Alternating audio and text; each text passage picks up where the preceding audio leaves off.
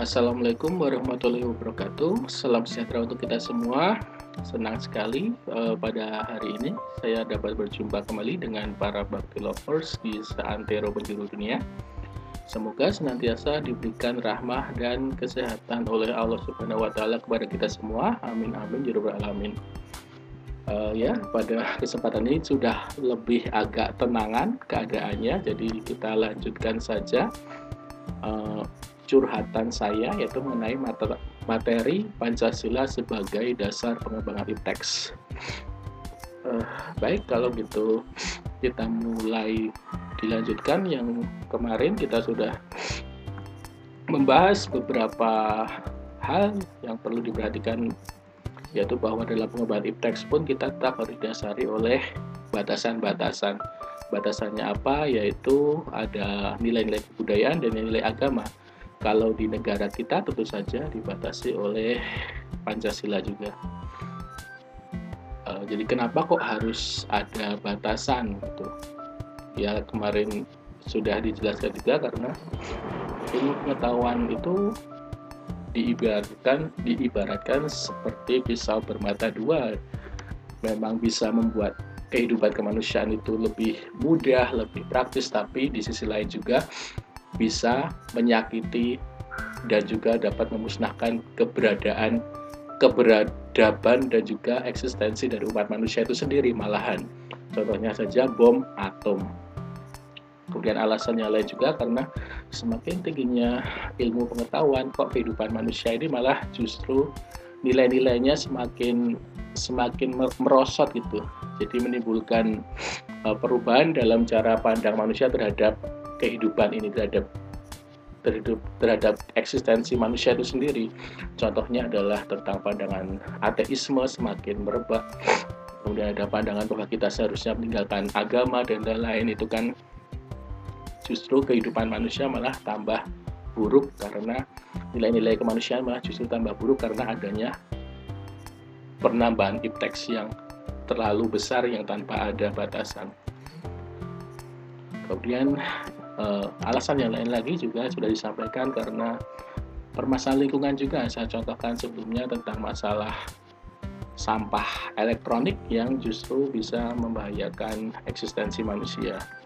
Kemudian sudah dibahas di sebelumnya tentang contohnya tentang pemanasan global di mana ozon atau O3 dari Indonesia dari uh, bukan hanya di Indonesia bahkan di bumi ini semakin rusak karena apa? Karena adanya zat-zat O2, zat-zat CFC, zat-zat polusi dari dampak dari perkembangan teknologi tersebut justru bisa membahayakan umat manusia karena sinar matahari jadi bisa masuk langsung ke bumi ini.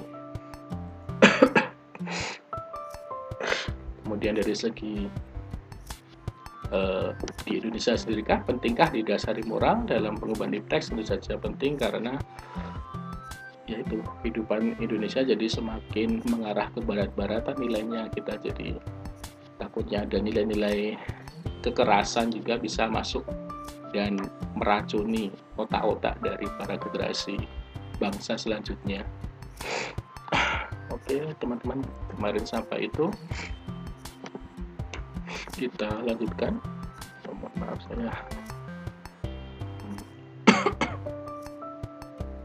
baik kemudian kita lanjutkan. Oleh karena alasan beberapa alasan tadi maka diperlukan Pancasila sebagai dasar dalam uh, mengembangkan IPTEK Contohnya saja tadi itu kerusakan lingkungan yang ditimbulkan oleh IPTEX baik dengan dalih percepatan pembangunan daerah tertinggal maupun upaya peningkatan kesejahteraan masyarakat perlu mendapat perhatian serius.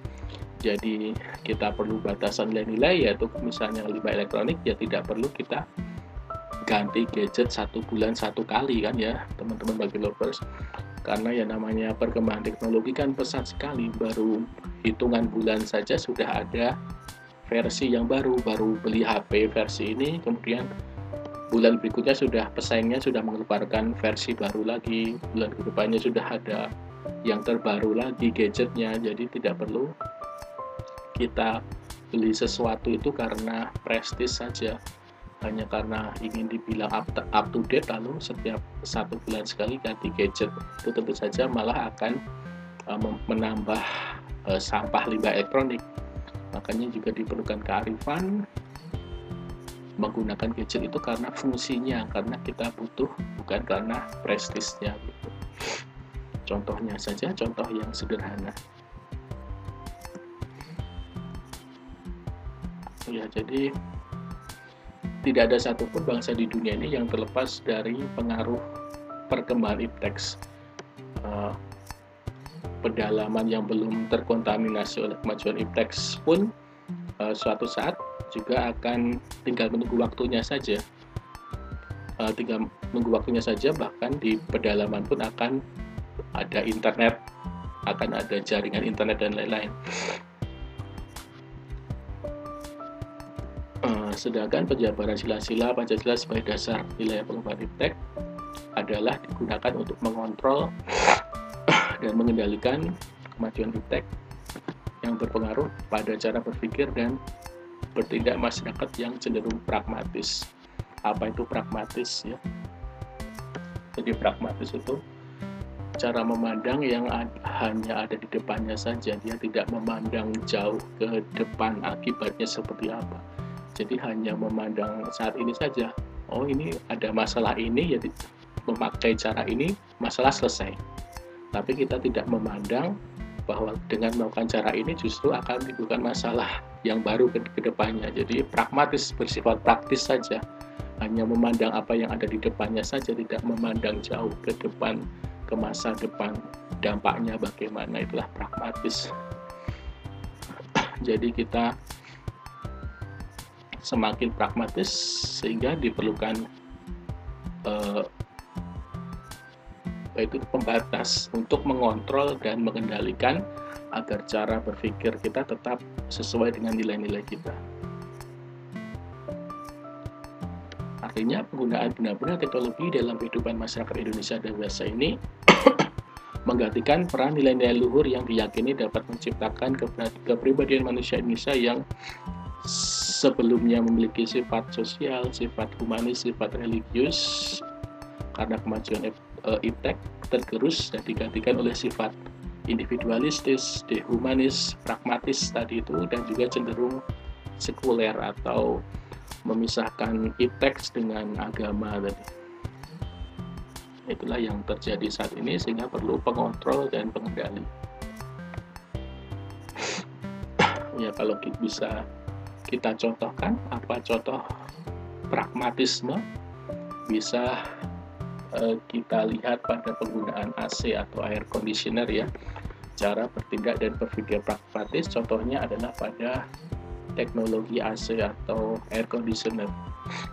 Uh, secara jangka pendek memang AC itu bisa dapat memberikan kenyamanan dan juga rasa dingin. Namun dalam jangka panjang AC kan mengeluarkan apa yang kita kenal dengan CFC ya klorofluorokarbon atau freon yang digunakan AC itu merupakan zat yang dapat rusak O3 atau ozon. Kita tahu O3 kan suatu uh, senyawa kimia yang sangat kuat gitu ya. Bahkan sinar ultraviolet dari matahari pun bisa bisa dilawan, bisa ditangkis sehingga saat sinar matahari itu masuk ke bumi itu adalah sinar matahari yang aman bagi manusia karena UVC dan UVB sudah disaring dulu oleh O3 tadi. Namun meskipun O3 merupakan senyawa yang kuat, tetap ada kelemahannya. kelemahannya adalah CFC tadi, klorofluorokarbon karena itu bisa O3 ditambah CFC itu bisa uh, apa namanya merubah lah bisa merubah O3 menjadi O2 atau oksigen saja apa namanya memecah memecah senyawa. Jadi ozonnya semakin rusak semakin hilang. O3-nya semakin di, dirusak oleh CFC sehingga dalam jangka panjang malah penggunaan AC akan membahayakan kehidupan manusia. Jadi kita hanya melihat pragmatis hanya melihat ke depannya saja. Oh cuacanya panas. Ya. ingin dingin ingin sejuk lalu memakai AC masalah selesai karena jadi dingin tapi kita tidak e, melihat ke depan justru AC itu akan merusak ozon dan justru sinar matahari itu akan lebih panas dan lebih berbahaya bagi umat manusia. Jadi AC itu tidak mendinginkan tapi malah justru membuat bumi ini menjadi panas. Itulah cara kita berpikir pragmatis karena kita tidak melihat jauh lebih ke depan lagi terhadap akibat tindakan kita. Itu contoh simpelnya saja bahwa iptex uh, mengubah pandangan manusia menjadi lebih pragmatis atau praktis jadi diperlukan adanya rambu-rambu tadi itu diperlukan adanya batasan dalam pengembangan ilmu pengetahuan agar tidak menjadi bumerang bagi keselamatan manusia sendiri. Uh, maksudnya adalah bahwa setiap ilmu pengetahuan dan teknologi iptek yang dikembangkan di Indonesia haruslah tidak bertentangan dengan nilai-nilai. Kemudian berperan sebagai rambu normatif bagi pengembangan iptek di Indonesia uh, maksudnya dari bagi rambu-rambu adalah ya seperti di jalan itu rambu-rambu normatif yaitu mengendalikan iptex agar tidak keluar dari cara berpikir dan cara bertindak dari bangsa Indonesia. Jadi ada aturan main yang harus disepakati oleh para ilmuwan sebelum ilmu tersebut dikembangkan. Jadi tetap ada etikanya. Mau pokoknya kalau akan diuji coba ke manusia harus beretika tidak lalu diuji coba manusia dengan sebebas-bebasnya gitu tentu saja tidak kemudian pengembangan iptek juga harus berakar dari budaya bangsa Indonesia sendiri atau yang lebih dikenal dengan mempribumikan ilmu. Jadilah maksud dari sebagai dasar nilai sebagai dasar pengembangan ilmu pengetahuan. Uh, sumber sebagai dasar pembahasan iptek secara historis atau secara sejarah ada di pembukaan Undang-Undang Dasar 1945 alinya keempat bahwa salah satu tujuan dari negara Indonesia ya kemudian daripada itu untuk membentuk suatu pemerintah negara Indonesia yang melindungi segenap bangsa Indonesia dan seluruh tumpah darah Indonesia dan untuk memajukan kesejahteraan umum mencerdaskan kehidupan bangsa dan ikut melaksanakan ketertiban dunia. Ini dalam kata mencerdaskan kehidupan bangsa, jadi itu adalah salah satu dari tujuan bangsa kita, tujuan dari negara Indonesia ini salah satu adalah untuk mencerdaskan kehidupan bangsa. Jadi pengembangan teks memang harus dilakukan. Memang harus dilakukan karena memang sudah menjadi tujuan kita. Namun tentu saja tidak uh, tidak sekonyong-konyong gitu lalu tanpa tanpa batasan tidak itu namanya bukan bukan mencerdaskan justru membahayakan kehidupan bangsa nanti jadi peran peran Pancasila sebagai dasar pengembangan teks di Indonesia. Belum banyak dibicarakan pada awal kemerdekaan. Ya memang wajar saja seperti saya katakan sebelumnya perannya adalah sebagai dasar negara ya awalnya fungsinya. Kita kita mau mendirikan negara itu dasarnya apa gitu kan yang ditanyakan oleh Awetyo Diningrat Ketua BPUPKI uh, kepada uh, Pak Karno dan para tokoh lainnya. Jadi wajar saja karena pada saat kemerdekaan itu para founding masih fokus mencurahkan tenaga dan pemikiran dan disibukkan pada upaya pembenahan dan penataan negara yang baru saja lahir, yang baru saja terbebas dari penjajahan. Jadi memang fungsi Pancasila di bidang teks ini memang belum belum banyak belum banyak di dipublikasikan di explore nah namun kemudian eh, kita sadar bahwa bahwa 350 tahun Indonesia dijajah itu kita tidak hanya rugi dari bidang ekonomi saja tidak hanya kita terkuras sumber daya alamnya sebagai negara Indonesia bukan saja bukan itu saja kerugian dari adanya penjajahan selama 350 tahun tapi juga karena menjadikan mayoritas rakyat Indonesia berada dalam kebodohan dan kemiskinan kita menyadari itu jadi hanya segelintir rakyat Indonesia saja yang bisa mengenyam pendidikan di masa penjajahan. Jadi itulah yang menjadikan pelopor bagi eh, pendidikan tersebutlah yang menjadi pelopor bagi kebangkitan bangsa. Justru pendidikan karena pendidikan tersebut ada golongan cerdik pandai yang akhirnya turut berjuang secara diplomasi juga jadi ketika negara Indonesia merdeka dipro, uh, dan diproklamirkan merasa perlu mencantumkan aspek kesejahteraan plus pendidikan di dalam undang-undangnya. Jadi kita uh, para founding kita memang sadar perlunya pendidikan karena kita bisa merdeka juga salah satunya adalah karena golongan terpelajar juga munculnya golongan terpelajar.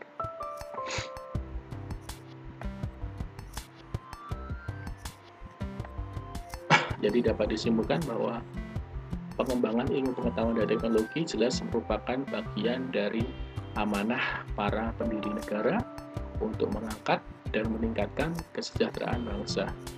Dalam arti penguatan perekonomian bangsa dan pengembangan ilmu pengetahuan dapat mengangkat harkat dan martabat bangsa Indonesia agar setara dengan bangsa-bangsa lain di dunia. Jadi bukan hanya penguatan perekonomian saja, tapi juga harus ada pendidikan dan pengembangan ilmu pengetahuan. Ya, semakin kamu uh, mendapat ilmu yang tinggi, tentu saja derajat kita terhadap Tuhan Yang Maha Esa juga semakin tinggi juga. Uh, masih uh, sumber historis tentang pengembangan teks jadi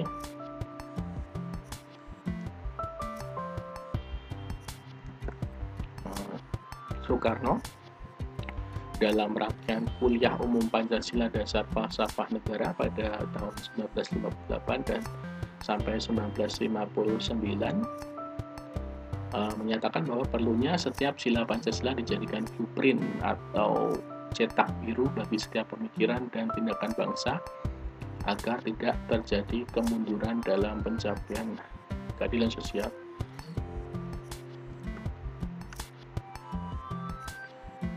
Kemudian baru tahun 1980-an mulai dirasakan sebagai kebutuhan yang mendesak, terutama di perguruan tinggi.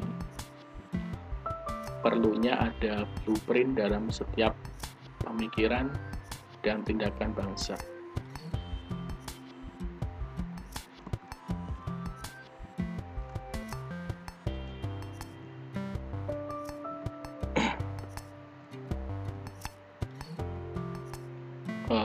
Lanjutkan lagi teman-teman. Jadi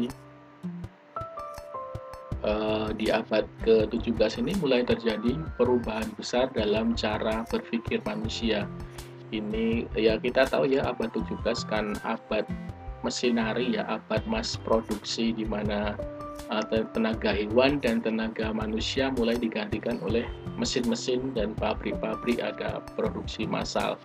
Ini juga ditandai dengan berubahnya cara berpikir manusia juga bahwa uh, lebih sekuler pokoknya di bangsa barat menjadi lebih sekulerisasi ilmu pengetahuan tadi itu lebih uh, membuat jembatan membuat jarak yang lebar antara ilmu pengetahuan dengan nilai-nilai agama dan nilai-nilai budaya itu mulai terjadi pada abad 17 kemudian menurut Profesor Dr. T. Jacob. Uh, ini menyatakan sehingga diperlukan sila-sila dari Pancasila. Maksudnya bagaimana dalam ilmu iptex kita bahas satu persatu. Sila pertama ini uh, menyatakan tentang monoteisme. Ya sila pertama adalah menyatakan tentang monoteisme yaitu untuk melengkapi ilmu pengetahuan. Dengan menciptakan perimbangan antara yang rasional dengan irasional, antara rasa dengan akal. jadi perlu ada perimbangan. Uh, memang ada yang rasional tetapi ada juga hal-hal yang irasional. Kita tidak uh, tidak hanya rasional selalu tapi kita yakin bahwa kita manusia diciptakan itu ada tujuannya gitu. Ada kekuatan yang lebih besar dari kekuatan manusia. Jadi meskipun secara secara rasional secara matematik kemungkinan itu tidak mungkin tapi ya siapa yang siapa yang tahu kalau Tuhan menghadapi lain ya bisa saja terjadi gitu jadi menciptakan perimbangan antara yang rasional dengan yang irasional antara rasa dengan akal. Jadi harus ada keseimbangan. Untuk menciptakan keseimbangan itulah sila pertama tadi. Kemudian menempatkan manusia di alam semesta sebagai bagiannya, bukan sebagai pusat dan tujuannya. Jadi manusia merupakan bagian dari alam semesta, bukan pusat dari alam semesta, bukan bukan tujuan dari manusia untuk uh, ya untuk menguasai alam semesta bukan ya tapi sebagai turut berdampingan sebagai bagian dari alam semesta. Kemudian di sila pertama tadi juga berisi tentang tuntutan tanggung jawab sosial dan intergenerasional dari ilmuwan dan teknologi. Jadi para ilmuwan itu bukan hanya menciptakan saja tapi juga harus bertanggung jawab secara sosial terhadap ciptaannya dan juga harus memperhatikan generasi mendatang atau intergenerasi. Jadi ilmu juga harus bertanggung jawab. Kalau kita menciptakan ini, nanti jangan-jangan bisa merusak kehidupan sosial, bisa merusak keamanan generasi mendatang itu. E, contohnya apa? Ya contohnya tentang persenjataan tadi ya, mungkin e, negara yang paling kekeh untuk meningkatkan persenjataan ilmu pengetahuan persenjataan kan bangsa Israel ya teman-teman itu terus menerus ya, ingin meningkatkan di bidang persenjataan ada uh, tembak yang bisa dibengkokkan misalnya agar bisa nembaknya sambil bengkok gitu. Kemudian tentu saja dia mereka berusaha untuk menciptakan peluru yang one hit one kill. Jadi sekali tembak sekali peluru satu peluru bisa membunuh satu musuh. Itu kan disemangati oleh uh, untuk mendominasi bangsa lain gitu semangatnya hanya ilmu pengetahuan untuk uh, persenjataan untuk mengalahkan bangsa yang lain jadi harus ada tanggung jawab sosial juga dan juga harus memperhatikan teknologi itu juga jangan sampai berdampak buruk terhadap generasi mendatang. uh, itu tadi menurut Profesor. Jacob tentang isi dari sila pertama. Kemudian iptex juga masih sila yang pertama iptex tidak hanya memikirkan apa yang ditemukan atau dibuktikan atau diciptakan namun juga manfaat dan akibatnya kepada kemanusiaan dan juga alam. Uh, lanjut teman-teman, bug lovers kemudian isi dari sila kedua tentang iptex yaitu berisi mengenai nilai humanisme atau kemanusiaan. Yaitu bahwa uh, sila kedua ini akan memberikan arah dan mengontrol ilmu pengetahuan. Jadi bisa dikatakan ilmu pengetahuan harusnya dikembalikan kepada fungsi semula, yaitu untuk kemanusiaan. Kenapa kita perlu untuk mengembangkan ilmu pengetahuan? Adalah agar kemanusiaan lebih beradab, lebih ya lebih mempermudah kemanusiaan, lebih mudah uh, memakmurkan dunia, memakmurkan bumi, agar manusia bisa lebih baik kehidupannya, mungkin bisa menemukan obat kanker, bisa sekali scan saja kanker bisa hilang misalnya. Ada kanker otak bisa dengan teknologi yang tinggi bisa disembuhkan. Jadi untuk kemanusiaan seharusnya dikembalikan pada tujuan dari ilmu pengetahuan dan iptex harus dapat diabadikan untuk meningkatkan harkat dan martabat manusia. Bukan menjadi manusia bukan menjadikan manusia sebagai makhluk yang angkuh dan pemalas. Jadi mungkin akan salah satu fungsi if text bisa mempermudah manusia tapi misalnya ditemukan kursi kursi kursi melayang misalnya kursi melayang di angkasa yang bisa melakukan segala pekerjaan manusia. Lalu untuk apa gunanya?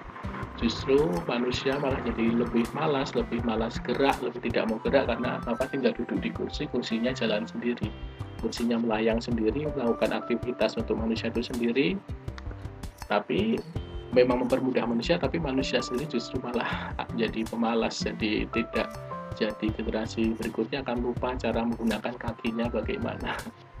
Itu seperti di seperti di film-film fiksi itu apa lupa film Disney itu ya. Kalau luar angkasa itu penduduknya pada gemuk-gemuk semua karena jarang jalan, jarang menggunakan kakinya karena semua duduk di kursi yang canggih semua. Kemudian tidak saling menyapa, gemuk-gemuk obesitas semua jadi itu salah satu uh, ilmu pengetahuan yang justru tidak sesuai dengan fungsi untuk kemanusiaan karena manusia menjadi angkuh dan pemalas.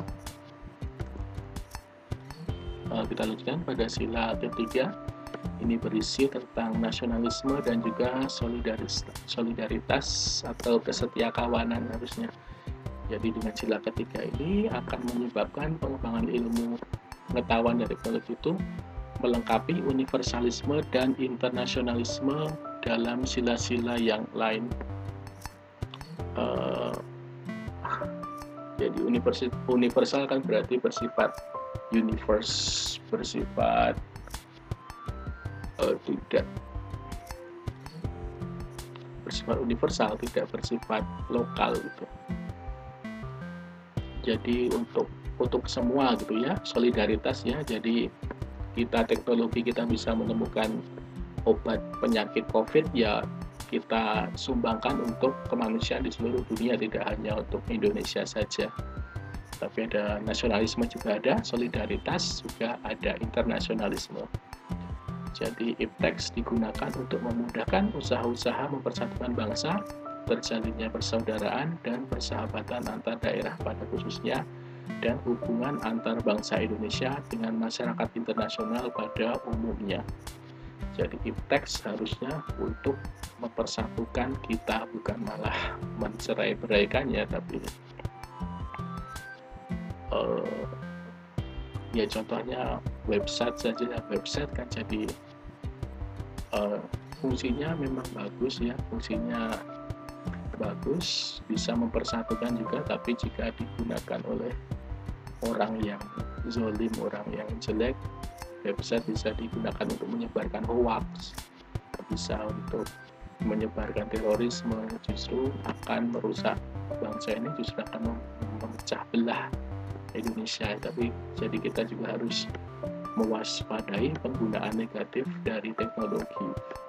Jadi mereka itu yang zolim itu tentu saja tidak berpedoman dengan sila ketiga ini kita lanjutkan teman-teman multi lovers uh, kemudian menurut Profesor Dr. T. Jacob juga uh, isi dari sila keempat tentang demokrasi dan representasi ini akan menyebabkan pengembang, pengembangan teks di Indonesia mencegah teknologi berevolusi sendiri dengan leluasa. Kemudian maksudnya adalah bahwa percobaan, penerapan, dan penyebaran ilmu pengetahuan harus mencerminkan semangat yang demokratis untuk rakyat itu ya. Eh. Kemudian setiap ilmuwan diberi kebebasan untuk mengembangkan teks tanpa adanya diskriminasi identitas. Jadi yang bisa melakukan penelitian tentu saja tidak hanya secara sara mungkin secara identitas hanya hanya orang Jawa saja yang boleh menjadi ilmuwan. Saja tidak seperti itu hanya agama ter, uh, uh, hasil dari teks hanya untuk agama tertentu saja tentu saja tidak, tidak seperti itu tapi tanpa diskriminasi identitas. Kemudian sikap terbuka terhadap kritik maupun dibandingkan dengan penemuan teori lain tentu saja dengan adanya demokrasi ini semua orang berhak untuk berpendapat. Tidak kita harus terbuka dengan kritik. Jika ada penemuan orang lain yang menyanggah dengan teori kita ya kita juga harus bisa legowo gitu. Harus bisa memperbaiki lagi penelitian-penelitian kita. Teori-teori kita lebih diperbaiki lagi. Beda uh, beda pandangan belum tentu suatu yang salah ya uh, mungkin pernah saya ceritakan uh, teman-teman tentang uh, kisah tiga orang buta dengan gajah ya. Jadi berbeda itu tidak berarti salah. Ada orang buta yang pertama menyatakan bahwa setelah menyentuh gajah oh ternyata ini gajah. Gajah itu ternyata hewan yang panjang gitu. Kemudian orang buta kedua setelah meneliti dan ke menyentuh gajah tadi menyimpulkan bahwa oh gajah itu ternyata binatang yang besar. Sedangkan orang buta yang ketiga menyatakan bahwa setelah menyentuh dan meraba-raba hewan gajah ternyata oh menyimpulkan bahwa oh gajah itu ternyata binatang yang lebar. Itu kan kesimpulan dari ketiga orang tersebut kan beda-beda ya. Ada yang bilang panjang, ada yang bilang lebar, ada yang bilang besar, kan beda. Tapi kan yang diteliti sama, yang diteliti adalah gajah dan benar. Jadi kenapa orang yang berkurang buta pertama bilang panjang mungkin karena dia meneliti dari sudut dia memegang belalainya. Jadi dia menyimpulkan kalau gajah itu panjang karena dia dari sudut pandang belalainya kemudian orang yang kedua menyatakan bahwa gajah itu besar mungkin karena saat itu dia menyentuh perutnya jadi yang dia teliti yang dari yang dia teliti yang dia pegang adalah dari segi perutnya. Oh ini besar. Kemudian yang orang buta yang ketiga mungkin yang dia teliti adalah telinganya. Atau dia pas meraba itu pas kena telinganya jadi dia bisa menyimpulkan oh gajah itu lebar. Jadi beda pandangan, beda pendapat bukan berarti salah, bisa saja karena beda sudut pandang saja itu. Jadi tidak apa-apa dibandingkan dengan teori orang lain. Kemudian contohnya yang lain adalah misalnya pasien diberi eksperimen kedokteran harus terlebih dahulu diberikan informasi yang cukup dan benar tentang manfaat dan resikonya. Kemudian kan harus ada surat juga ya surat pernyataan uh, akan menjadi sukarelawan gitu ya kita lanjutkan kemudian yang yang ketiga yang sila ke lima tentang keadilan sosial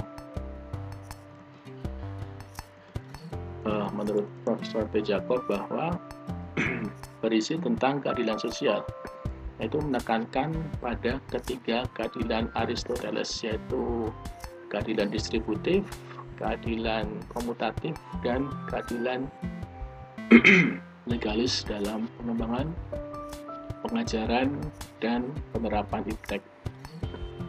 Jadi keadilan sosial juga menjaga keseimbangan antara individu dan masyarakat. Eh, teman-teman tahu ya tentang keadilan Aristoteles uh, bahwa keadilan distributif yaitu distribusi tidak memberikan hak yang sama melainkan menggunakan proporsionalitas jadi jadi adil itu bukan berarti kalau setiap orang menerima jumlah yang sama. Bukan berarti seperti itu tapi harus lihat hak-haknya harus melihat jasa-jasanya. Contohnya yang paling sederhana saja kalau teman-teman bagi lovers yang sudah kuliah dengan adiknya bagi lovers yang masih SD tentu saja uang sakunya kan berbeda ya. Yang sudah kuliah kan ada lebih banyak kebutuhan harus transportasi harus fotokopi mungkin jadi diberikan mungkin sebulannya 500 ribu. Sedangkan adiknya yang masih SD mungkin se, uh, mungkin sebulannya uh, cuma 100 ribu. Itu bukan berarti tidak adil karena disesuaikan dengan distributifnya proporsionalitasnya. Eh, eh, kebalikan dari itu adalah keadilan komutatif di mana memberikan secara sama tanpa melihat jasa-jasanya. Jadi adil jika tidak melihat jasa-jasanya eh, mau itu uh, orang miskin maupun orang kaya harus tetap diberikan hak dan kewajiban yang sama gitu, tanpa melihat hartanya misalnya itu baru adil gitu. Kemudian keadilan legalis adalah keadilan yang didapat berdasarkan undang-undang untuk kebaikan bersama. Ya kalau misalnya salah tidak uh, uh, tidak melaksanakan undang-undang ya harus kena hukuman. Kalau melaksanakan ya jangan kena hukuman. Itu kalau sudah melaksanakan undang-undang tapi tetap kena hukuman yang namanya tidak adil gitu itu keadilan menurut Aristoteles jadi itulah teman-teman. Uh, sumber Pancasila sebagai dasar pengembangan teks dari segi sejarah secara historis kita lanjutkan sumber pengembangan iptex dari segi sosiologis yaitu ditemukan pada masyarakat bangsa Indonesia yang sangat memperhatikan dimensi ketuhanan dan kemanusiaan. Jadi manakala ilmu pengetahuan dan teknologi tersebut tidak sejalan dengan nilai ketuhanan dan kemanusiaan, biasanya akan terjadi penolakan otomatis dari masyarakat Indonesia itu secara sosiologis jadi karena masyarakat bangsa Indonesia itu lebih memperhatikan dimensi ketuhanan dan kemanusiaan daripada iptex. Jadi iptex juga tetap harus sejalan dengan nilai ketuhanan dan kemanusiaan tersebut. Contohnya saja pada saat ada ya ya ada akan dibangun nuklir gitu ya ada ada pembicaraan bahwa di Indonesia akan dibangun pembangkit listrik tenaga nuklir. Itu sempat terjadi penolakan oleh masyarakat di Indonesia. Karena apa? Karena dirasa PLN tadi akan dapat memberikan dampak lingkungan yang buruk. Misalnya nuklir itu kan mengeluarkan limbah ya, mengeluarkan output, mengeluarkan ampas. Itu dikhawatirkan bisa mencemari limbah limbah perairan, limbah udara, limbah pertanian bisa tercemar. Kemudian jika terjadi hal-hal yang tidak diinginkan bisa terjadi bencana kemanusiaan. Jadi itulah contohnya saja. ya kita mengetahui memang memang nuklir akan bisa memberikan banyak manfaat bagi umat eh, manusia ada pembangkit listrik ya terutama pembangkit listrik tenaga nuklir kan bisa memberikan daya daya listrik yang lebih yang sangat besar dibandingkan PLT lainnya daripada pembangkit listrik lainnya. Misalnya pembangkit listrik tenaga angin tenaga air tenaga uap tenaga panas dingin uh, panas bumi maaf. Uh, pembangkit listrik tenaga panas bumi itu kan uh, pembangkit listrik tenaga nuklir akan jauh lebih lebih besar gaya listriknya dan juga mungkin juga lebih hemat kalau dibangun oleh pemerintah tapi tentu saja kita tidak hanya tidak hanya mengedepankan teknologi dan hemat saja tapi juga harus atau itu memper, memperhatikan nilai ketuhanan dan nilai kemanusiaan.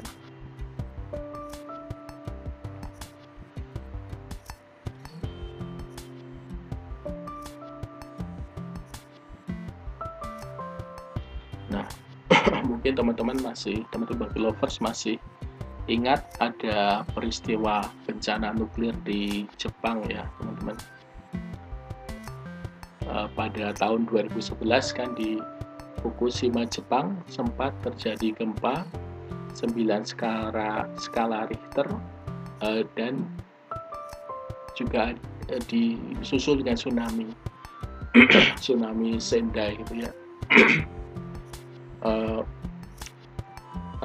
tapi mungkin saya cerita, ceritakan di lain waktu saja karena ini sudah petang dan sudah hampir maghrib juga.